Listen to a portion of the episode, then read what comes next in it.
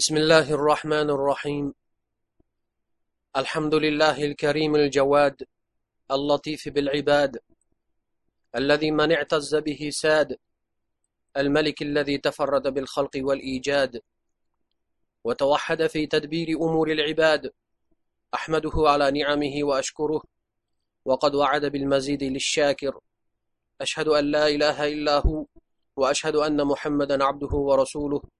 صلى الله عليه وعلى آله وأصحابه وسلم تسليما كثيرا أما بعد السلام عليكم ورحمة الله وبركاته aziz ro'zador birodarlar mana muborak ramazon oyining qariyb uchdan ikki qismi o'tib uchdan bir qismi qoldi hisob alloh taolo bu oyda tutgan ro'zalarimizni toatu ibodatlarimizni qabul aylab qilgan kamchiligu xatolarimizni kechirib barchalarimizni jannatning rayyon eshiklaridan chaqirilinmoqqa va bizlarga jannatdagi havzi kavzar suvidan ichishimizni nasib ro'za aylasin alloh taolo qur'oni karimda bismillahi rohmanir rohim وما آتاكم الرسول فخذوه وما نهاكم عنه فانتهوا payg'ambar o'zi sizlarga ato etgan narsani olinglar u zot sizlarni qaytargan narsadan qaytinglar deydi Demak rasululloh sollallohu alayhi vasallam nimaga bizlarni undar ekanlar biz unga shoshmoqligimiz kerak. Nimadan qaytarar ekanlar undan darhol qaytmoqligimiz lozim. Chunki bu alloh taoloning bizlarga bo'lgan amridir buyrug'idir. Va yana alloh taolo bizlarni suyishi muhabbat qilishi va gunohlarimizga kafforat qilishligi uchun ham rasululloh sollallohu alayhi vasallamning sunnatlariga ergashmoqligimiz darkordir bu haqda alloh taolo qur'oni karimda suyukli payg'ambari muhammad sollallohu alayhi vasallamga qarata aytadiki bismillahi rohmanir rohim قل إن كنتم تحبون الله فاتبعوني يحببكم الله ويغفر لكم ذنوبكم ayting ya'ni ey muhammad alayhissalom ayting agar sizlar ollohni sevsangiz menga ergashinglar Shundagina Alloh sizlarni sevadi gunohlaringizni mag'firat qiladi. Demak bizlar rasululloh sollallohu alayhi vasallamning sunnatlariga ergashar ekanmiz. U kishining borgan yo'llaridan yurar ekanmiz. Ana shundagina alloh taolo bizlarni suyib bizlarga muhabbat qilib bizlarni gunohlarimizni mag'firat etar ekan. Ba'zilar eng muhimi seni alloh taolo yaxshi ko'rishidir ammo sen uni suysangu u alloh taolo esa seni suymasa bundan foyda yo'q degan ekanlar. Albatta alloh taolo bandalarini husullariga yoki kelishgan qaddi qomatlariga qaramaydi balki ularning solih amallariga va qalblaridagi niyatlariga qaraydi. Agar amallari ollohni rozi qiladigan amallar bo'lib bu amallardan niyatlari ham faqat alloh taoloning roziligi bo'ladigan bo'lsa ular qaysi millatga mansub va qaysi mansabda bo'lishlarini va erkakmi ayolmi aslo e'tibori yo'qdir. Va ana shu zotlar ollohning suyukli bandalaridan bo'ladilar va gunohlari mag'firat qilinganlardan bo'ladilar. Rasululloh sollallohu alayhi vasallamning ramazon oyidagi sunnatlaridan biri va eng ulkani oxirgi o'n kunida ramazon oyining oxirgi o'n kunida laylatul qadr kechasini ya'ni qadr kechasini qidirmoqlikdir. Avvalgi darslarimizda ham aytib o'tganimizdek sahih hadislarda bayon qilinishicha agar ramazon oyining oxirgi o'n kuni kirsa rasululloh sollallohu alayhi vasallam astoydil ibodatga bel bog'lab kechalari uxlamasdan qiyomil layl qur'on tilovati va zikru duolar bilan mashg'ul bo'lib mana shu muborak kechaning barakotlariga yetish uchun ko'p g'ayratlar qilar edilar. Va u zot ummatlarini ham shu yaxshilikdan nasibador bo'lishlari uchun haris bo'lib ularni ham qadr kechasini axtarishga chorlar edilar. Imom muslim sahih to'plamlarida abi said al hudriy roziyallohu anhudan rivoyat qilishlaricha aytadilarki rasululloh sollallohu alayhi vasallam ramazon oyining avvalgi o'n kunida e'tikofga kirdilar. So'ng o'rtadagi o'n kunida turkiy qubba ya'ni turk diyorlaridan keltirilgan turkcha chodirda e'tikofga kirdilar. Shu e'tikofga kirganlarida ostonasida bir bo'yra bor edi.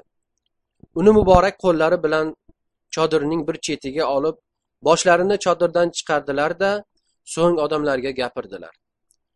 Shunda odamlar u zotga yaqinroq kelishdi. Ya'ni rasululloh sollallohu alayhi vasallamni so'zlariga ijobat qilib quloq solib yaqinlashib keldilar.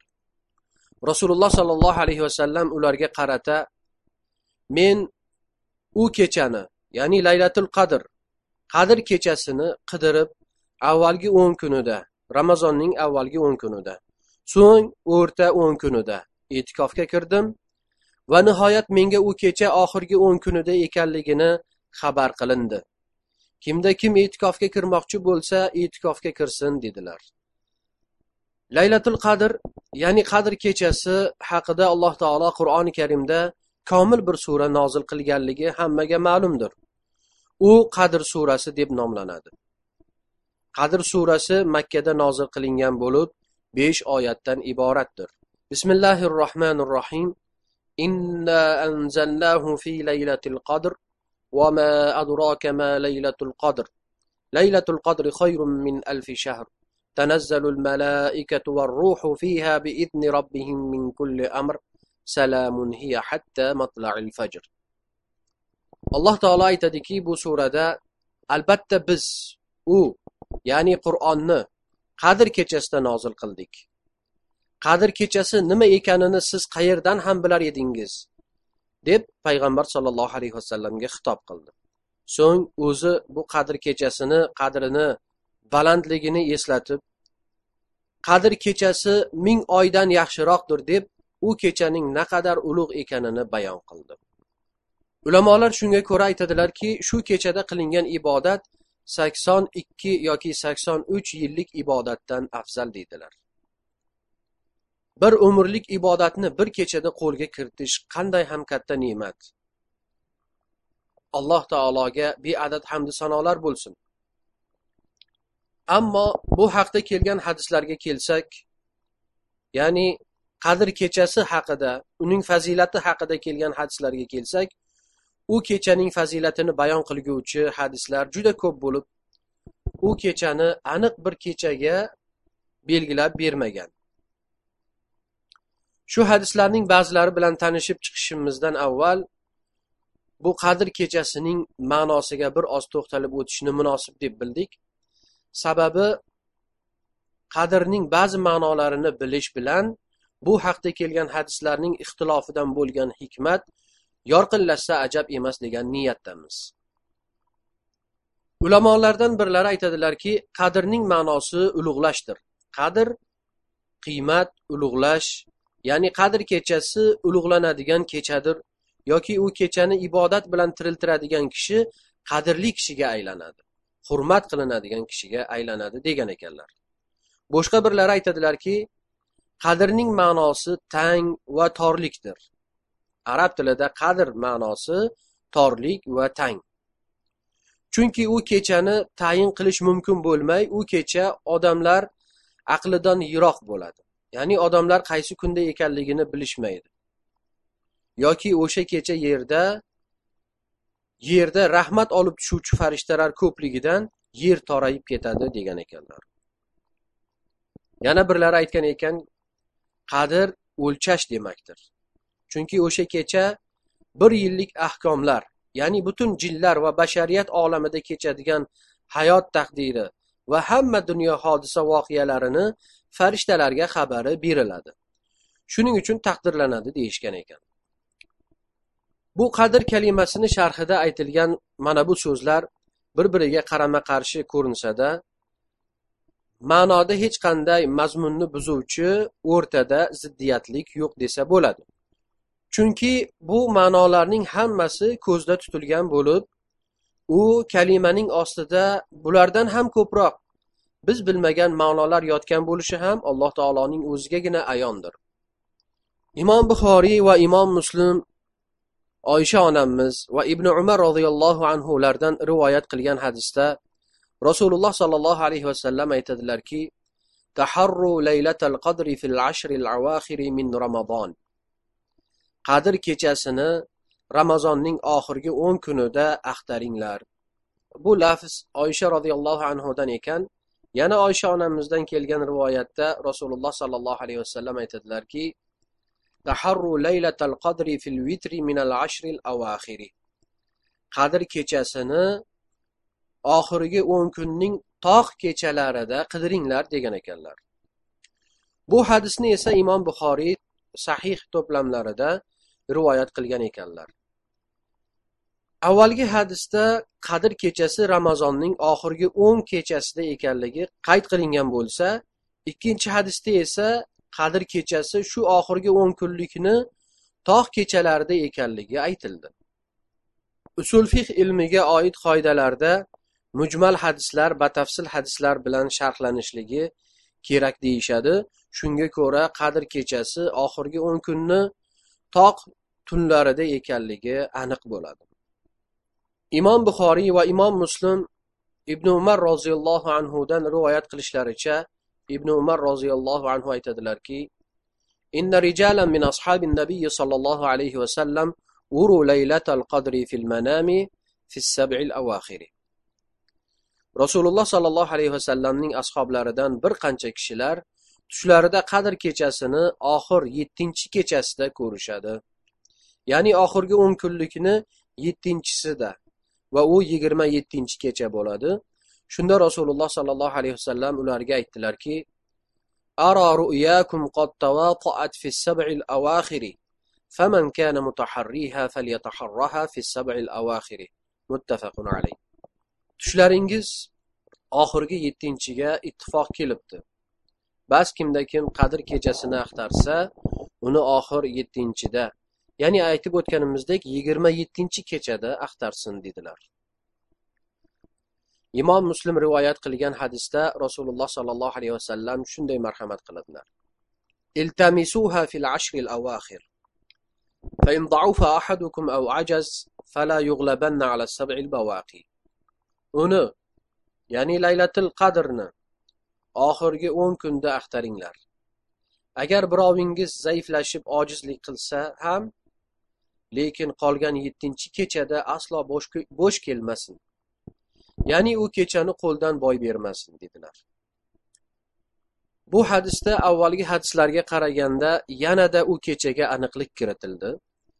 Lekin hadislarda mana bunday ixtiloflar bo'lganligi uchun ulamolar o'rtasida ham uning vaqtini belgilashda tayin qilishlikda ixtiloflar bor abu said al hudriydan rivoyat qilingan hadisda rasululloh sollallohu alayhi vasallam aytadilarki وقد رأيت هذه الليلة فأنسيتها وقد رأيتني أسجد في ماء وطين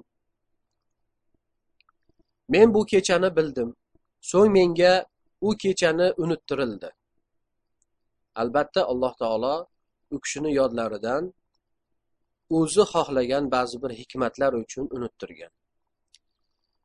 Hadisni davomida aytadilarki darhaqiqat suv va loyga sajda qilayotganimni ko'rdim. Imom muslimning rivoyatlarida esa va inni urituha laylata vitrin va anni asjudu sabihataha fi ma'in va tinin.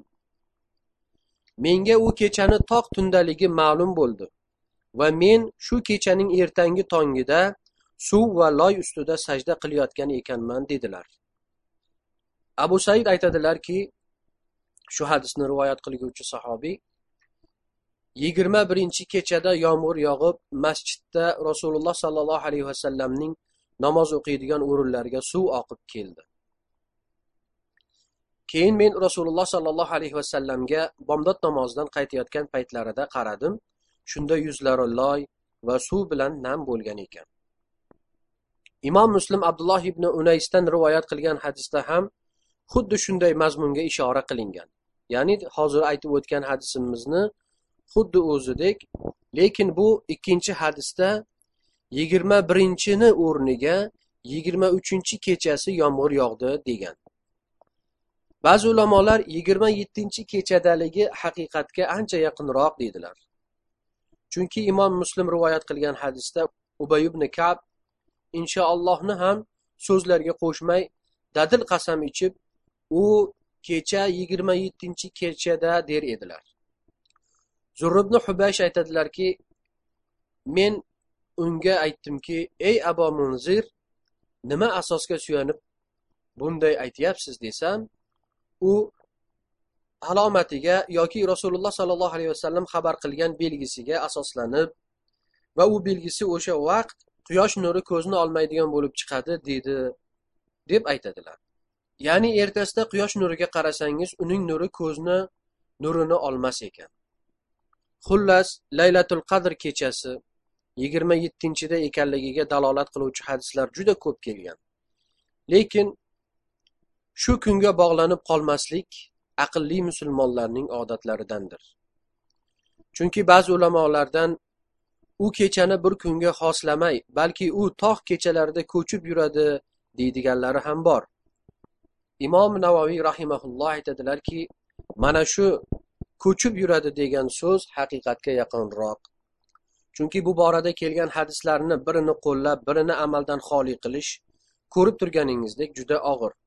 Chunki bu hadislarning ko'pi sahih shuning uchun biriga amal qilib ko'pini tashlab yuborishdan ko'ra hammasini to'plab hammasiga amal qilish afzaldir deydi muhaddis ulamolarimiz va bundan tashqari alloh taolo bu ibodatni rasululloh sollallohu alayhi vasallamning yodlaridan ko'tarib qo'yishi bejiz emasdir. Balki uning ko'p hikmatlari bor bo'lib u hikmatlaridan biri odamlar o'sha bir kechaga suyanib qolmay boshqa kechalarida ham ibodat qilib ramazon oyini ibodatlar bilan o'tkazadilar. Bu ham alloh taoloning mo'min musulmonlarga qilgan rahmati. Musulmon kishi vaqtini bo'sh qilmay bo'sh qoldirmay balki bu kechalarda vaqtini toatu ibodatlar va zikru duolarga to'ldiradi. Imom ahmad imom termiziy va ibn mojja rivoyat qilishgan hadisda oysha roziyallohu anhu aytadilarki qultu ya rasululloh أرأيت إن وافقت ليلة القدر ما أقول قال قولي اللهم إنك عفو كريم تحب العفو فاعف عني men yo rasululloh sollallohu alayhi vasallam bordiyu men qadr kechasiga muvofiq bo'lib qolsam nima duo qilishimga buyurasiz dedim u zot aytdilarki ey ilohim sen kechiruvchi sahiy zotsan kechirishni suyasan meni afv etgil degin. Mana bu muborak zotning ko'rsatmalarini unutmay ramazon kechalarini allohga duolar qilib yolborishlar bilan o'tkazishni alloh taolo barchalarimizga nasib etsin. Va qadr kechasiga muvaffaq qilsin. Va axiru da'vana alhamdulillahi robbil alamin.